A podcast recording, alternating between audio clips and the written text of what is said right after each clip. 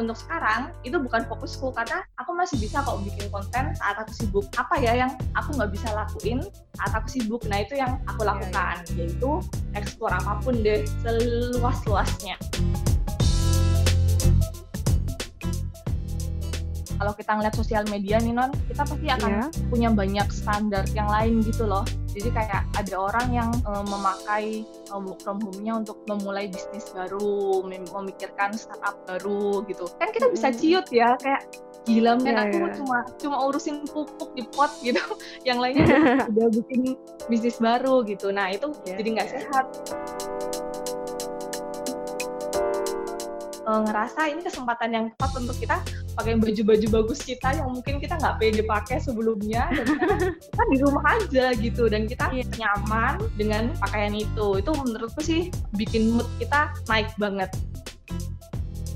Tapi aku juga kenal nih kak temanku yang introvert, dia juga merasa meskipun dia introvert gitu ya, dia merasa WFH ini cukup bikin dia ini juga depresi juga. Maksudnya apa ya? Ngerasa sedih dan butuh bertemu juga gitu. Introvert pun begitu.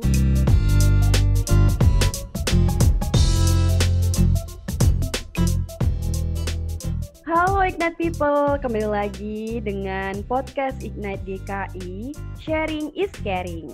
Nah, di sini bersama dengan Noni Elina, namaku. Kalian bisa panggil Noni. Kalau asalku itu dari Banyuwangi ya.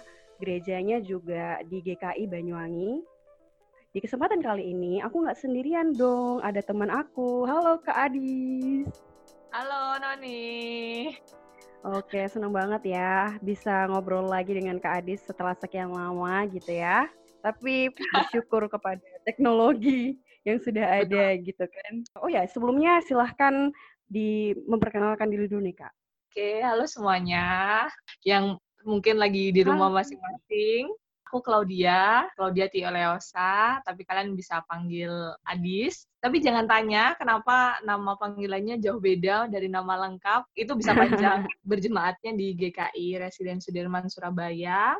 Tapi karena udah nikah dan tinggal di Depok, aku ibadahnya biasanya di GKI Cinere. Semenjak worship from home, aku ikut ibadah GKI Pondok Indah. Jadi pindah-pindah. Oh, iya iya iya. Kesibukan sehari-hari kerjaanku guru sama freelance copywriter. Wow, keren ya. Oh iya buat teman-teman ya yang punya Instagram pasti semuanya punya. Teman-teman bisa follow Kak Adis juga ya karena Kak Adis itu banyak sekali berbagi gitu kan. Tulisan-tulisannya, juga pemikiran-pemikirannya di apa feed maupun di Instagram stories. Dan itu keren banget sih. Ya, silakan follow. Teman-teman, di kesempatan kali ini kita akan membahas sesuatu hal yang cukup menarik ya, karena ini adalah yang memang sedang kita alami, yaitu memaksimalkan masa stay at home. Saat ini apa sih yang nggak kita lakuin dari rumah gitu ya? Sekolah, kuliah, belanja, kerja, bahkan berdonasi pun tuh sekarang online. Semuanya serba online.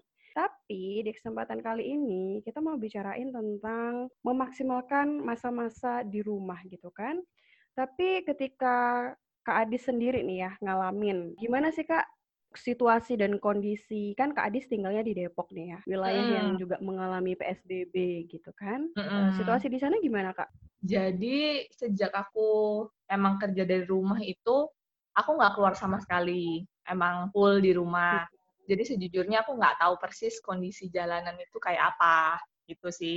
Kecuali Oh, ngeliat oke. di media sosial ya. Cuma Hmm. karena si Rian suamiku masih ngantor, dia sih yang sering Mm-mm. ceritain kalau jalanan emang jauh lebih sepi gitu. Terus juga eh, aku merhatiin kalau misalkan lagi beli sayur pagi-pagi gitu, orang-orang udah makin makin rame di perumahan pagi-pagi yang olahraga gitu kan. Kan itu pemandangan yang jarang.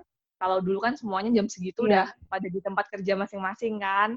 Nah, itu sih paling yang Hmm. kerasa beda. Berarti cukup tertib ya di wilayah Kakak ya? Bisa dibilang ya, kayaknya aku lihat satu gangku tetangga hampir semuanya emang udah sama perusahaannya dibolehin untuk kerja dari rumah. Jadi Mm-mm. dari yang kerja di BUMN ataupun bank rata-rata udah melakukan pengaturan sesuai anjuran pemerintah untuk ngerjain tugasnya dari rumah. Palingan pengaturannya itu piket gitu. Jadi kayak satu minggu, Mm-mm. tiga hari masuk, dua hari off. dan sebagainya lah gitu. Oh iya, iya. iya. Kak Ade sudah berapa lama nih Kak uh, melaksanakan WFH ini? Nah, ini pertanyaan yang sulit nih. Karena kayaknya kita semua kena sindrom lupa hari, lupa tanggal. Oh iya ya. iya sih, kadang tuh udah nggak kerasa udah, udah satu minggu. kan?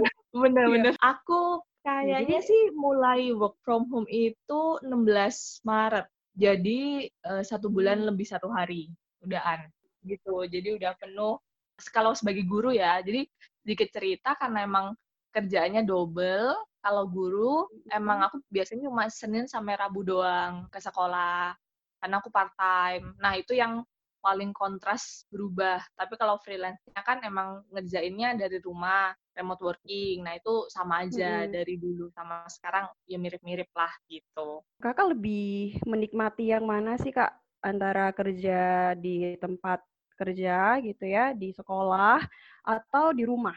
Sejujurnya sih di rumah ya. Jadi gini, kalau misalnya dari interaksi sosial, karena aku ekstrovert, tetap jauh lebih menyenangkan kalau kita ngantor atau aku ke sekolah gitu. Karena kan ya ketemu teman, hmm. lunch time bareng-bareng, ngobrol seru gitu kan. Terus apalagi kalau sebagai guru ngajar, ada komunikasi yang otentik gitu rasanya ngeliat uh, dengerin celutukan murid, terus bisa ready untuk mereka tanya apa pun, kapan pun gitu kan. Nah itu yang kayaknya ya. paling beda yang aku rasa kehilangan gitu. Tapi untuk yang lain, aku sejujurnya lebih ngerasa enjoy kerja dari rumah sih. Karena banyak waktu yang biasanya kan untuk transfer tuh. Kalau aku ke sekolah itu lumayan jauh dan perjalanannya panjang. Nah perjalanan itu uh, lumayan menghabiskan energi kan. Nah sekarang udah bisa aku save nih energinya selama aku di rumah jadinya bisa lebih produktif untuk ngelakuin hal yang lain gitu karena nggak capek gitu ya Betul. biasanya naik transportasi dan lain sebagainya. Tapi kalau di rumah nih ada banyak hal yang sebelumnya nggak dikerjain bisa dikerjakan dengan maksimal gitu ya kak ya? Ya dengan durasi itu yang kita pakai itu hmm, tanpa harus iya, iya. meninggalkan uh, beban pekerjaan kita gitu. Berarti bisa dibilang itu lebih efektif ya kak ya untuk bekerja ya ternyata kerja di rumah ini? Menurutku sih iya lebih efektif. Hmm. karena aku nggak tahu ya teman-teman yang lain tapi kalau yeah. coba kita refleksikan gitu sebenarnya kan kalau kita lagi kerja dalam tim atau lagi di office sekolah atau apa pun tempat kerja kita kita kan pasti hmm. harus kerja sesuai dengan ritme kebanyakan orang kan karena kan supaya efektif lah gitu pemakaian waktunya dan lain-lainnya gitu kan yeah, yeah. dengan kalau di rumah menurutku poin plusnya itu kita bisa atur ritme kita sendiri. Jadi kayak mm ada orang yang emang tipenya suka slow dulu baru fokus gitu kan. Atau mm ada yang kayak tipenya Rian itu suamiku lebih ke dia langsung fokus gitu terus dia kasih reward setelah tugasnya selesai dia santai. Nah, ritme itu kan mm. nggak selalu kita bisa aplikasikan kan kalau di kantor. Itu sih menurutku poin yeah, yeah. banget kerja dari rumah.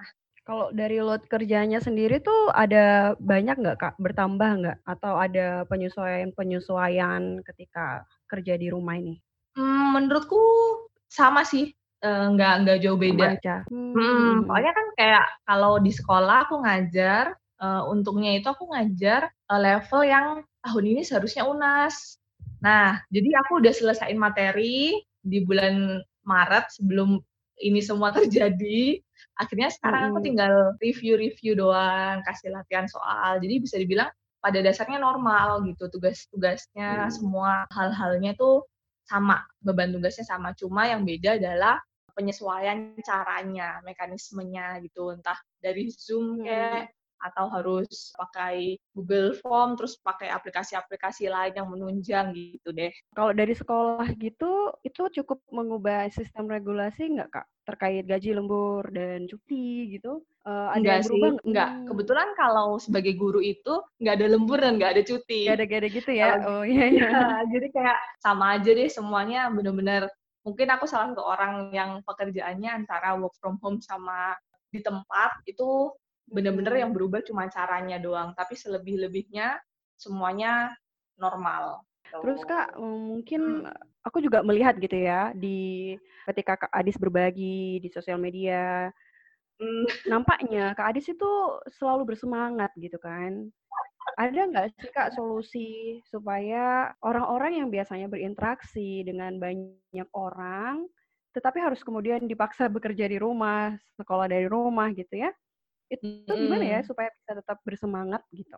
Menurutku ini sih Non. Jadi kayak setiap Mhm. orang itu pasti punya poin yang bikin mereka semangat dan bikin mereka nggak semangat gitu. Kalau aku evaluasi Ya. ya contohnya, kayak waktu aku kerja dari rumah secara freelance itu, sebelum ini terjadi, aku tuh ngelihat biasanya aku tuh jadi nggak semangat atau buang-buang waktu, nggak efektif, itu setiap jam makan siang. Karena aku pasti Ya. pusing scrolling cari GoFood atau GrabFood. Dan itu takes Iya iya. time gitu kan. Entah cari tempatnya, masih cari menunya, terus nggak jadi, pindah lagi, dan itu lumayan ngabisin waktu. Nah, sekarang karena aku udah tahu hal itu, jadi aku terapin pagi itu aku pasti masak supaya Hmm. setiap lunchtime aku udah membuang, memangkas waktu-waktu yang nggak efektif buat mikir untuk aku ngelakuin yang lain gitu. Itu salah satu apa ya tips yang yang aku terapkan sih gitu. Jadi teman-teman bisa mulai dengan dengan cari tahu kalau seharian itu biasanya nggak efektifnya saat kapan atau Mhm. biasanya itu ngerasa kayak ngerasa pusing-pusing sendiri tuh karena apa. Nah, itu harus di-fix dulu tuh, itu harus diselesain Mhm. dulu gitu. Kalau si Rian, suamiku, aku ngelihat dia itu nggak bisa fokus kerja kalau belum ngurusin tanaman dan bersihin rumah. Oh. Contohnya kayak Oh gitu. iya. Nah, Jadi jadi itu harus diberesin dulu ya? itu harus diberesin dulu supaya kita kayak lebih tenang Hmm. gitu dan akhirnya waktu kerja Mhm. kita udah nggak distraksi lagi, tiba-tiba waktu yang enak-enak kerja terus kepotong ngelakuin yang itu. Nah, itu kan nggak enak tuh. Itu bisa Iya dicoba. iya. Itu sih Iya sih. menurutku. Terus ada temanku juga sih dia eh, tipenya itu yang harus kerja dalam kondisi yang eh, emang udah rapi dan bersih gitu. Jadi dia terapin Mhm. itu malamnya dia beberes supaya waktu pagi dia itu udah semangat gitu loh untuk memulai aktivitas. Jadi dia udah nggak usah eh, repot-repot lagi untuk beberes, dia beres-beresnya tiap malamnya. Jadi tiap orang pasti akan punya mekanisme sama strateginya sendiri. Berarti itu tergantung dari diri kita sendiri ya, Kak, ya. Kayak prioritas apa yang kita punya dan hal-hal yang menurut kita penting dan yang kurang penting gitu ya. Jadi ketika kita Dan rasa ini yang lebih penting, oh masakan ini harus beres nih. Kalau enggak nanti bakalan ribet di siang hari gitu kan. Jadi ya udah masak Iya, dulu bener gitu. banget. Bener bener banget. Jadi kenali diri dulu, terus atur strategi sesuai dengan uh, kondisi kita masing-masing. Nggak ada satu rumus untuk semuanya sih menurutku. Eh, Kak, Kakak pernah bosen nggak sih Kak selama kerja di rumah? Pernah banget. Iya ya, pasti itu pertanyaannya. Kayaknya jawabannya udah pasti pernah gitu kan. Jadi waktu itu aku emang sempet linglung gitu karena udah bosen banget nggak ketemu orang atau apa gitu kan. Kalau misalkan Ya. lagi bosan memuncak, biasanya aku cuma keliling doang sih, naik sepeda gitu, muter seru perumahan apa. banget. Tapi iya supaya setidaknya bertemu dengan manusia yang lain dan melihat masih ada kehidupan itu lumayan kasih Iya, energi iya. sih menurutku. Terus kalau coba hal yang baru, lumayan banyak. Jadi karena aku ngerasa setiap kerja itu, apalagi waktu jadi guru selama durasi Senin sampai Rabu itu aku sama sekali nggak olahraga. Karena nggak ada waktu, aku berangkat sekolah tuh jam 5 pagi, mau olahraga jam berapa gitu kan. Jadi mumpung sekarang aku coba coba beberapa jenis olahraga gitu yang akhirnya aku tahu nih oh kayaknya emang aku nggak suka yang yoga deh kayaknya aku lebih suka yang gerak gitu. Aku jadi tahu sih sekarang karena aku cobain tuh satu gitu. Terus Hmm. coba yang lain kayaknya aku lebih ke ini ya kayak mengulik jadi explore eh, topik-topik apa pun yang emang memantikku untuk kepo gitu. Itu Apa? yang yang paling baru yang membuat kakak semakin kepo itu berkaitan dengan apa? Hobi, minat, atau pekerjaan? anehnya, uniknya adalah random banget sih. Untuk sekarang Hmm. ya. Jadi kayak sama work from home itu aku meliarkan kepalaku untuk cari apa pun, walaupun itu nggak sepenuhnya sesuai sama minat atau eh, pekerjaanku. Hmm, Karena gitu. gini sih Non, jadi kayak waktu aku kerja gitu kan, kan aku masih punya waktu untuk explore tuh. Contohnya waktu naik Transjakarta kan lumayan Ya. kan kita duduk terus kita masih bisa baca-baca atau bikin konten gitu kan. Nah artinya tuh aku kerja, aku punya hal-hal yang memang masih bisa aku lakukan. Nah makanya aku mulai dari pertanyaan waktu aku ekspor menjawab pertanyaanmu tadi itu, aku tanya ke diriku nih, aku tuh nggak punya waktu buat apa ya selama aku sibuk Hmm. gitu. Apa yang harus aku lakukan saat aku punya waktu lebih banyak Iya, iya. kayak sekarang gitu. Karena ada tuh beberapa orang yang memilih untuk bikin konten, Iya. ya kan? Mm-mm. Kayak itu keren banget sih menurutku kayak Iya, kayak bikin kayak bikin podcast baru gitu kan. animasi. Oh, yes, ada yang bikin podcast baru. Nah, itu menurutku keren banget sih gitu. Nah, sedangkan kalau aku sendiri aku refleksiin kalau untuk bikin konten, untuk nulis ya terutama karena itu yang aku minati, eh, selama aku sibuk pun aku selalu punya waktu untuk itu.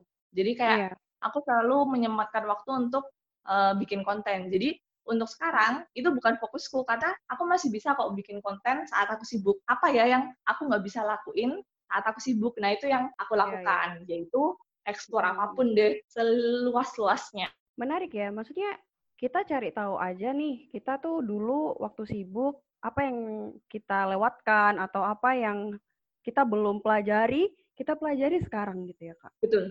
Nah, dan Gitu. aku juga suka karena di masa-masa kerja dari rumah ini, work from home ini, aku bisa dengerin banyak podcast dan juga live di Instagram gitu ya. Ada banyak banget kan, mau artis, mau pendeta-pendeta gitu kan ya, yang sudah memakai sosial media dan memanfaatkan itu untuk menyebarkan informasi, mengajar gitu. Dan itu Yap, mm. ya, banyak apa ilmu-ilmu baru yang didapat sih. Iya, dan itu sih yang Hmm. apa yang berharga kan, karena mungkin kita nggak bisa mendap- mendapatkannya saat sibuk gitu, saat kita nggak work from home. Mungkin Mm-mm. saat ibadah-ibadah biasanya juga pendeta-pendeta akan jauh lebih sibuk dari sekarang. Mereka nggak bikin konten atau Ya. nggak sempat bikin live gitu kan. Jadi ini momen di mana apa ya banyak berkat terselubungnya lah gitu istilahnya yang patut kita syukuri. Iya, kita juga eh, ada bagi beberapa orang dituntut untuk mempelajari teknologi dan menguasai teknologi gitu ya. Dan ternyata teknologi itu bisa menjadi hamba yang baik kalau misalnya kita pintar memanfaatkannya gitu ya, Kak. Terutama di masa-masa yang ini. Mm-mm. Nggak selalu itu membuat kita menjadi orang yang membuang waktu, justru itu bisa jadi media untuk berbagi berkat atau bahkan belajar sesuatu. Kak Adis punya nggak nih tips untuk teman-teman yang ignite people yang bekerja, lagi studi, ataupun yang mengurus rumah tangga, tips untuk mereka supaya dapat memaksimalkan diri di masa stay at home ini. Menurutku kita mulai dulu dari eh, bagaimana menjadikan stay at home ini tuh waktu yang tenang untuk kita refleksi. Mungkin itu dulu sih Non. Jadi kayak aku merasa karena kita pasti jauh lebih berkurang ketemu orang, ya kan? Artinya kebisingan-kebisingan itu jauh lebih tereduksi. Coba tanya ke diri kita sebenarnya apa sih yang kita tuh kurang gitu, apa sih yang kurang kita dapatkan Mhm. atau kurang kita lakukan. Menurutku refleksi itu tuh yang jadi kunci utama dan pertama untuk kita bisa manfaatin waktu dengan lebih eh, bijaksana dan lebih efektif gitu. Ada Iya. beberapa orang yang yang merasa kayak selama mereka sibuk kerja, ngantor sehari-hari, nongkrong gitu, mereka nggak punya cukup waktu untuk sapa atau untuk berinteraksi dengan teman-teman yang lama. Nah, berarti waktu yang sekarang kondisi yang sekarang waktu yang tepat nih untuk melakukan itu gitu. Rajin-rajin video call kayak Iya. atau ya kan atau eh, tanyain kabar. Nah itu beda-beda tiap orang. Terus ada juga yang ngerasa mungkin kayaknya selama sibuk kerja sehari-hari itu nggak punya waktu olahraga. Ya udah ini waktu yang tepat gitu kayak aku. Iya, iya, ini iya. waktu yang tepat untuk memulai itu. Jadi tips yang pertama sih menurutku eh, coba ajak ngobrol diri sendiri dengan jernih dan jujur apa yang Mm-mm. kita rasa kita butuhkan gitu. Apa apa yang kita rasa kita tuh kurang melakukannya atau kita kurang mendapatkannya. Nah, itu yang Mm-mm. kita kejar gitu. Karena kalau kita ngeliat sosial media nih Non, kita pasti akan Iya. punya banyak standar yang lain gitu loh. Jadi kayak ada orang yang eh, memakai work from home-nya untuk memulai bisnis baru, mem- memikirkan startup baru gitu. Kan kita bisa ciut ya, kayak gila men Iya, aku iya. cuma cuma urusin pupuk di pot gitu. Yang lainnya udah, udah bikin bisnis baru gitu. Nah, itu Iya, jadi nggak iya. sehat. Kalau enggak kita memulai dari bertanya ke diri kita sendiri dulu, apa sih yang aku butuhin, apa sih yang ingin aku lakukan dengan lebih efektif dan nggak sempat aku lakukan sebelumnya itu. Iya, Terus iya, iya. kedua, tipsnya menurutku adalah selalu pakai pakaian yang siap setiap hari. Itu sih. Siap? Jadi ya maksudku Gimana tuh Kak maksudnya? jangan pakai piyama. jangan pakai daster. Aku sih tim Iya, yang iya, iya. seperti itu. Dari dulu kerja remote, setiap pagi habis mandi pasti udah nggak pakai uh, baju tidur dan sebagainya. Karena Karena itu mempengaruhi psikologis ya? itu sangat mempengaruhi psikologis Oh. kita gitu. Bahkan Ya, ya, kalau ya. aku sekarang-sekarang ini justru malah kayak eh, ngerasa ini kesempatan yang tepat untuk kita pakai baju-baju bagus kita yang mungkin kita nggak pede pakai sebelumnya dan kita di rumah aja gitu dan kita Iya. nyaman dengan pakaian itu. Itu menurutku sih bikin mood kita naik banget gitu. Sampai si Hmm, Rian pakai itu dress gitu ya kak di rumah. pakai dress. Aku setiap hari pakai dress di rumah. Seriously? Sampai Wow. Rian itu kaget, kamu punya Heeh. dress yang ini? Kapan dress ini beli gitu? Jadi Iya, kayak iya, ketahuan aku belanja gitu kan. Tapi Nah, jadi itu- memanjakan mata suami juga ya. Ada baiknya juga ya. Iya. Tapi itu emang strategi biar charge mood kita sih. Iya, Kita jauh benar. lebih ngerasa ready secara psikologis kayak katamu. Akhirnya aktivitas kita pun kita nggak sadar bahwa eh, kita emang lagi di rumah. Kita kayak kita lagi kayak ngafe, kita kayak lagi ngantor gitu dan kerjaan jadi beres. Itu Iya. eh, tips kedua sih. Tips yang ketiga mungkin yang terakhir untuk menjaga work from home ini efektif, kita harus kenali eh, tipe kita selain kenali kebutuhan kita non karena ada tuh Mm-mm. kan kalau kita tahu ada tipe orang pagi dan orang malam, Ya. ada orang eh, apa morning bird sama night owl. Terus ada juga Iya, iya. kalau secara sosial introvert sama extrovert.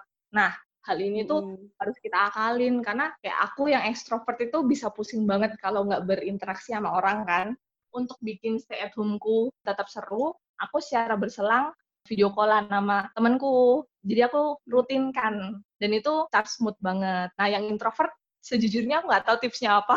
Kita sama-sama Nah, tapi- ekstrovert, jadi nggak bisa ini. Terus kalau tentang orang pagi sama orang malam itu menurutku ngefek banget. Mumpung sekarang work from home kita nggak dipaksa untuk pagi. Orang-orang yang Ya. uh, night owl yang malam bisa atur waktunya sedemikian supaya semuanya beres tapi juga tetap have fun sesuai dengan ritmenya sendiri jadi kenali deh diri kita baik-baik kita itu tipe yang seperti Ya. apa terus bikin strategi yang sesuai sama kebutuhan tipe kita Tapi aku juga kenal nih kak temanku yang introvert, dia juga merasa meskipun dia introvert gitu ya, dia merasa WFH ini cukup bikin dia ini juga depresi juga. Maksudnya apa ya? Ngerasa sedih dan butuh bertemu juga gitu. Introvert pun begitu. kayaknya iya ya karena menurutku Iya. introvert nggak yang butuh keramaian tapi apa sih yang nggak suka ketemu manusia yang lain ya kan Iya benar. bersosialisasi ngobrol kita pasti merindukan Iya, itu ya. menurutku Ya, semoga kita diberikan kreativitas gitu ya untuk menghadapi masa-masa stay at home ini supaya kita juga tetap melakukan tanggung jawab kita gitu ya Kak ya. Soalnya gini Kak, kalau aku pribadi Hmm. gitu ya, aku terkadang terjangkit penyakit malas gitu kan, mager-mager, malas gerak. Jadi karena work from home kemudian Hmm. nggak ada targetnya itu menjadi Allah bisa dikerjakan jam berapapun gitu kan. Entah mungkin ada ignite people yang juga suka mager. Memang target itu perlu tetap ada ya kak ya. Betul. Setiap hari usahakan memulai dengan kasih target, aku harus selesaiin job desk yang ini, aku harus selesaiin to-do list yang ini gitu at least sih supaya kita Mm-mm. juga terpacu gitu kan. Terus enak sih kita akhiri hari dengan rewarding gitu loh perasaan yang ah God udah selesai nih satu gitu besok Iya. lanjutin yang lain. Oke, ada satu hal lagi nih ya, hal terakhir yang aku ingin tanyakan ya. Kak, gimana Hmm, rasanya melakukan ibadah online selama ini? Menurut kakak, kakak bisa mengalami nggak, terkhusus kemarin nih kita paskah gitu ya, apakah kakak merasakan apa ya hal-hal spiritual gitu ya dilakukan secara online? Kakak merasa gi- gimana kak? Dapat nggak feel-nya atau dapat nggak kekuatan dari Oke. ibadah online gitu kan secara rohani? Gitu? Sejujurnya setiap ibadah online aku selalu nangis karena aku merindukan gereja yang secara Sama. fisik. Jadi Iya benar. Iya kan, jadi kayak ini sih non, kalau mau pengakuan dosa yang aku juga ceritain ke beberapa temanku yang lain, aku tuh udah bolos ke gereja eh, beberapa pekan lah gitu, karena aku sama Rian itu kan sempat renov rumah kan, dan itu Iya. habisin waktu kami banget, dan sejujurnya kami emang lumayan sering skip eh, ke gereja gitu. Terus tiba-tiba Hmm. kena pandemi ini, waktu minggu pertama tuh, eh, minggu pertama ibadah online tuh aku nggak kuat sih, itu bener-bener yang, aduh nangisnya udah parah banget, karena aku ngerasa, Kenapa tuh? aduh Tuhan, Mm, kok sia-siain kesempatan gitu loh, kayak mm, se- mm. waktu aku dikasih kesempatan untuk bisa ke gereja dengan leluasa, aku menghambur-hamburkan itu dengan pembenaran. Aku lagi sibuk ngurusin rumah gitu. Dan sekarang ketika rumahku udah selesai dan aku siap untuk ibadah di gereja lagi eh taunya harus ibadah online. Itu sih non kayak itu perasaan yang yeah. Iya. bener-bener nonjok-nonjok banget gitu. Dan soal feel atau dapat pesannya atau enggak puji Tuhan menurutku secara pesan sih nggak ada yang berubah tetap semuanya bisa didapatkan dengan utuh kalau dari khotbah yeah. palingan yang kita yang aku rindukan adalah uh, interaksi yang otentiknya sih kayak salam damai oh aku yeah, sangat yeah, biasa udah nggak bisa kita rasain lagi itu priceless banget tuh berharga banget yeah. ternyata Iya benar. Kita jadi tahu ya apa yang perlu kita syukuri ya saat ini. Ternyata sebuah pertemuan, sebuah ibadah itu adalah hal yang sangat mewah. Bener, ini. itu tepat banget sih. Itu ternyata hal yang mewah, hal yang selama ini kita take for granted gitu, kita anggap itu hal yang biasa. Ternyata kita rindukan sekarang. Hmm, Oke, okay. terima kasih Kak Adis. Senang banget sudah bisa ngobrol sama Kak Adis. Ada banyak tips yang kita terima gitu kan. Dan untuk kata penutupnya nih, Kakak punya closing statement mungkin Kak untuk kami semua? Mirip Mama tadi untuk mempertegas lagi, coba kenali diri dengan baik waktu kondisinya lagi jernih seperti sekarang, lagi minim distraksi, dan berusaha untuk menjadikan waktu-waktu ini waktu yang berharga bukan hanya untuk produktif yang egois, tapi juga untuk menjaga hati yang berempati ke sesama. Karena kita tahu kondisi ini sebenarnya bisa kita ambil tips macam-macam, tapi kita harus mengakui sebenarnya ini adalah sebuah masalah dan bencana. Jadi please be hmm. fair, kita berusaha untuk produktif, tapi tetap dengan care satu sama lain. Itu sih menurutku. Oke, terima kasih banyak Kak Adis. Semoga kita bisa bertemu lagi di lain kesempatan. Uh, dan uh, itu tadi Ignite People kesempatan kita bisa um, mendengar dari Kak Adis gitu ya. Dan semoga kita semua tetap sehat, tetap semangat di tengah-tengah masa stay at home ini. Oke, sampai jumpa di podcast Ignite IKI selanjutnya. Bye-bye. God bless you. Bless you.